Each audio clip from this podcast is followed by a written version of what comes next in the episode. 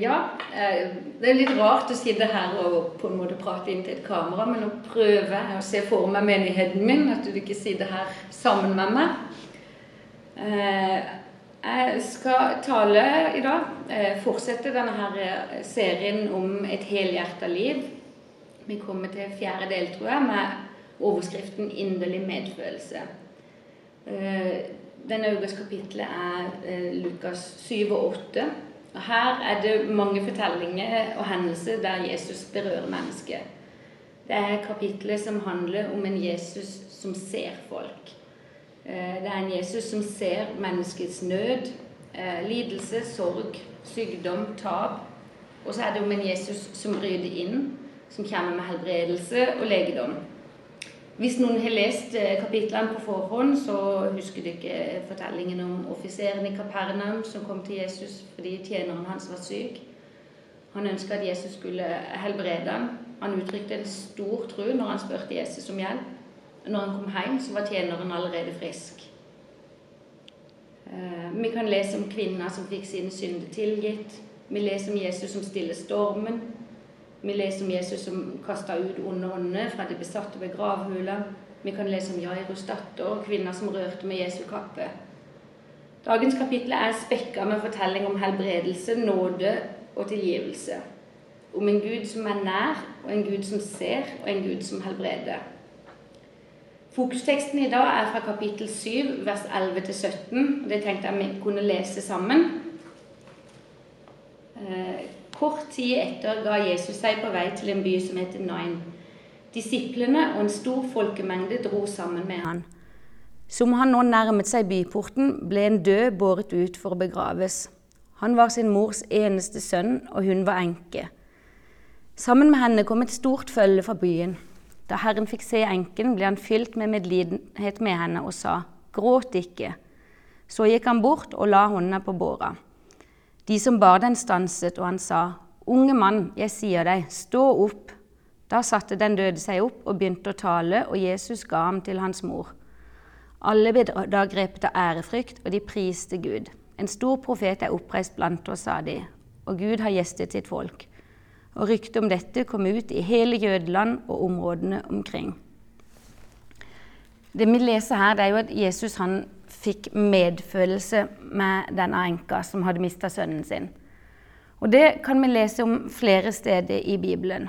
I Matteus 14, 14 så står det at da Jesus kom i land og så folkemengden, så fikk han inderlig medfølelse med det. Og Hva betyr egentlig det? Et annet ord for medfølelse kan kanskje være sympati. Og det er avleda fra ordet patos, som er i slekt med medlidenhet, ømhet og sorg. Det kan være mange anklagende stemmer i verden i dag med at hvis Gud virkelig fins, så, så, er han ond. Han er en Gud som ikke bryr seg. Han tillater at mennesker opplever så mange vonde ting. Det, hvis han fins, så er han fjern og trukket tilbake. Bryr seg ikke om menneskene. Men hvis vi leser Bibelen og leser menneskets plass i skaperverket, så ser vi at Guds hjerte for oss er alt annet enn det. Det at Gud har medlidenhet og medfølelse for sitt skaperverk, det går som en rød tråd gjennom hele Bibelen. I Dommerne 2,18 så kan vi lese at Herren hadde medynk med dem, altså sitt folk. Og I Agnere kongebok, kapittel 13, så står det at Herren var nådig og barmhjertig mot dem og tok seg av dem pga. pakten med Abraham. I Jesaja 54,10 så er det et fantastisk vers. For om fjellene viker og haugene vakler, skal min miskunn aldri vike fra deg, og min fredspakt skal ikke rokkes, sier Herren, som er barmhjertig mot deg. Gud har gjennom hele historien hatt medfølelse og medynk med menneskeheten. Når israelsfolket var slave i Egypt, så leser vi i andre Mosebok at eh, Gud hørte nødropene til folket sitt. Han så israelittene, og han tok seg av dem. Gud hører våre rop. Han hører eller han ser vår sorg og våre klager. Både det som ropes høyt, og det som hviskes i det stille. Og Guds hjerte det blir berørt av våre sorger. Eh, og Vi snakker i denne taleserien her om det å leve et helhjerta liv med Jesus som forbilde. Og Jesus han var en mann med stor medfølelse. og han viste medfølelse i handling. Han hadde sympati, empati, medlidenhet. Ord som på en måte beskriver mye av det samme. Empati kan defineres som evnen til å ta del og forstå andres følelser. Og hvis medlidenhet det er å sørge i sympati med andres lidelse.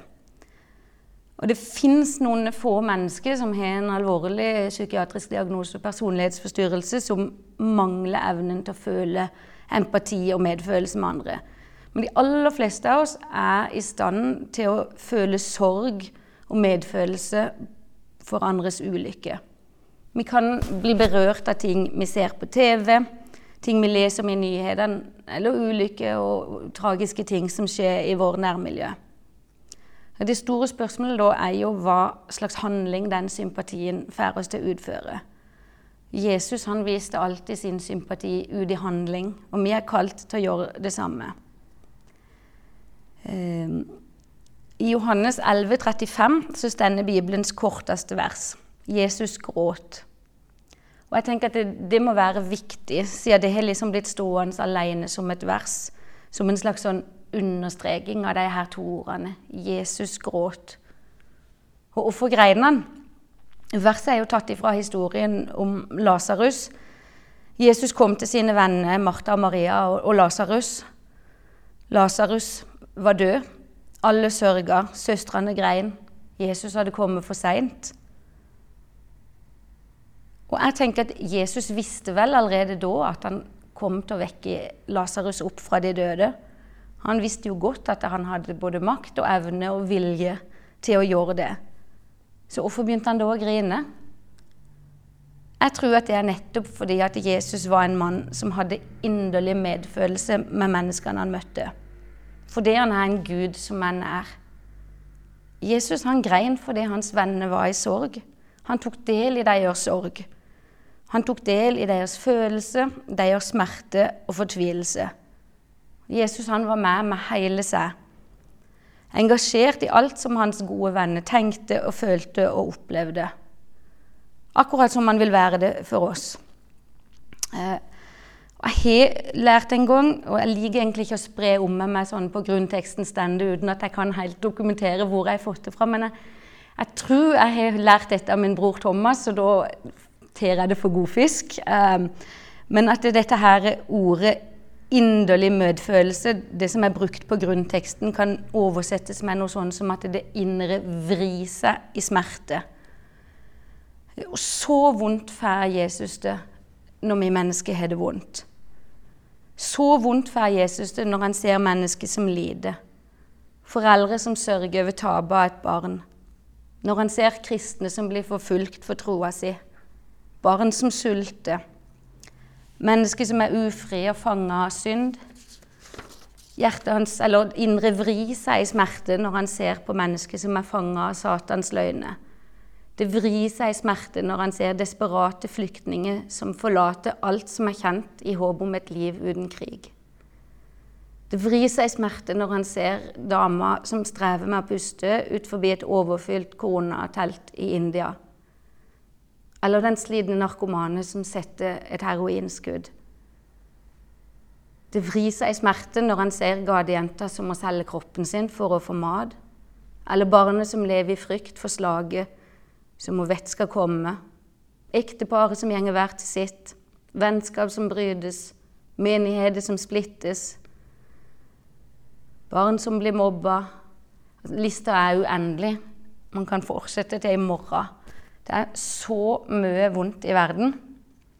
Og Guds hjerte det knuses hver eneste gang. For hvert eneste menneske. Jesus han griner, sånn som han grein sammen med Martha og Maria over Lasarus. Sånn griner han for oss og med oss når vi opplever noe vondt.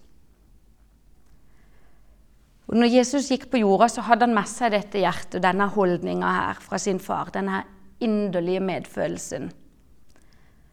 Eh, men Jesu holdning den resulterte i at han gjorde noe for de han fikk medfølelse for.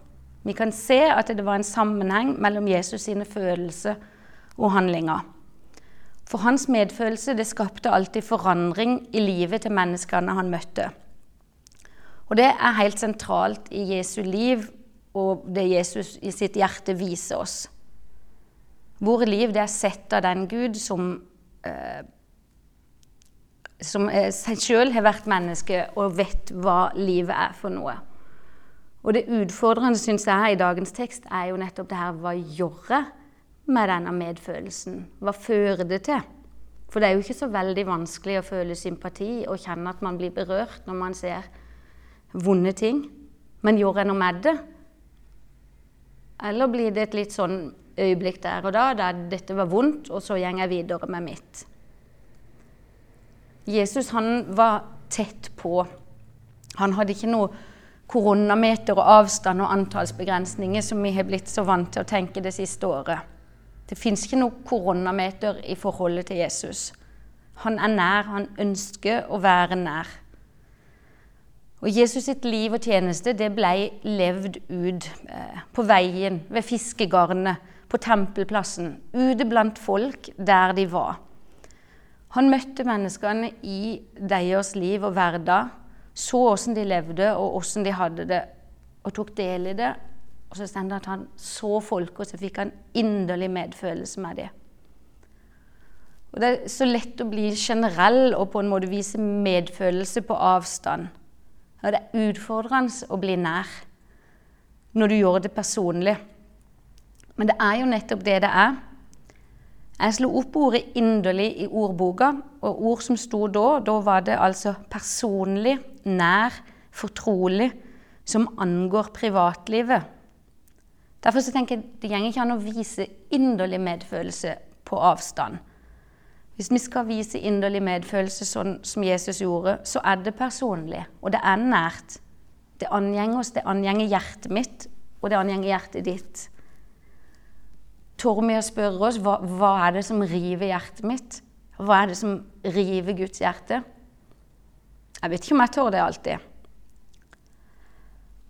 Eh, i historien om den barmhjertige samaritan, mannen som ble overfalt av røvere og etterlatt for å dø, så møter vi tre forskjellige personer. Og jeg tenker at det, Presten og levitten de var jo sikkert ikke onde folk. Jeg er ganske sikker på at de syntes synd på den mannen som lå der halvt ihjelslått. De kjente det sikkert i hjertet, de òg. Stakkars mann. Men så tror jeg likevel at de hadde et mer sånn selvsentrert fokus. At de tenkte hva kan skje med meg hvis jeg gjør noe? Hvis jeg stopper her, så blir vel jeg overfalt av røvere. Jeg får forte meg videre. Men samaritanen han hadde fokuset vekk fra seg sjøl. Istedenfor å spørre hva kan skje med meg hvis jeg stopper, så spurte han heller hva vil skje med denne mannen hvis jeg ikke hjelper han? Og vi vet hva han gjorde. For hans medfølelse og empati det førte til handling. Og han har for alltid blitt stående som et symbol for medfølelse, hjelpsomhet og barmhjertighet. Eh, ordet medfølelse det kommer fra det latinske ordet 'compati', som betyr å lide med. Altså at vi tar del i andre, andres lidelse. Du kan ikke sette deg på sidelinja da. Og det kan være skummelt å kreve at vi på en måte som den barmhjertige samaritan våger å sette oss sjøl i fare. I hvert fall utenfor komfortsona. Når man, når man, snakker om på en måte nød og lidelse og alt det som er vondt, så, så er det jo lett å stille spørsmålet hvorfor griper ikke Gud inn mot all nøden i verden? Gud på sin side lurer kanskje på hvorfor så mange av hans sitt folk ikke bryr seg. Litt skumle tanker. Jeg vet ikke om jeg, vet ikke om jeg tør å tenke de tankene helt ut. Eh, det er utfordrende. Og jeg tror litt sånn at vi kanskje, i hvert fall for min egen del, at jeg omskriver det her bibelverset 'hver dag har nok med sin egen plage', til å bli litt sånn at jeg, har nok med min egen plage. Jeg har nok med mitt og mine og mine problemer. Men det er virkelig ikke bibelsk. For det går egentlig ikke an å være seg sjøl nok og samtidig ha Jesu hjertelag og sinnelag. Veldig vanskelig å leve et helhjerta liv hvis jeg har nok med min egen plage. Um, jeg skal gå mot avslutning nå. og Da skal jeg lese et vers fra Kolossene. Det er Paulus som skriver til, til menigheten der. Og jeg tenker Han skriver til menigheten, til de kristne. Det er jo oss, vår menighet.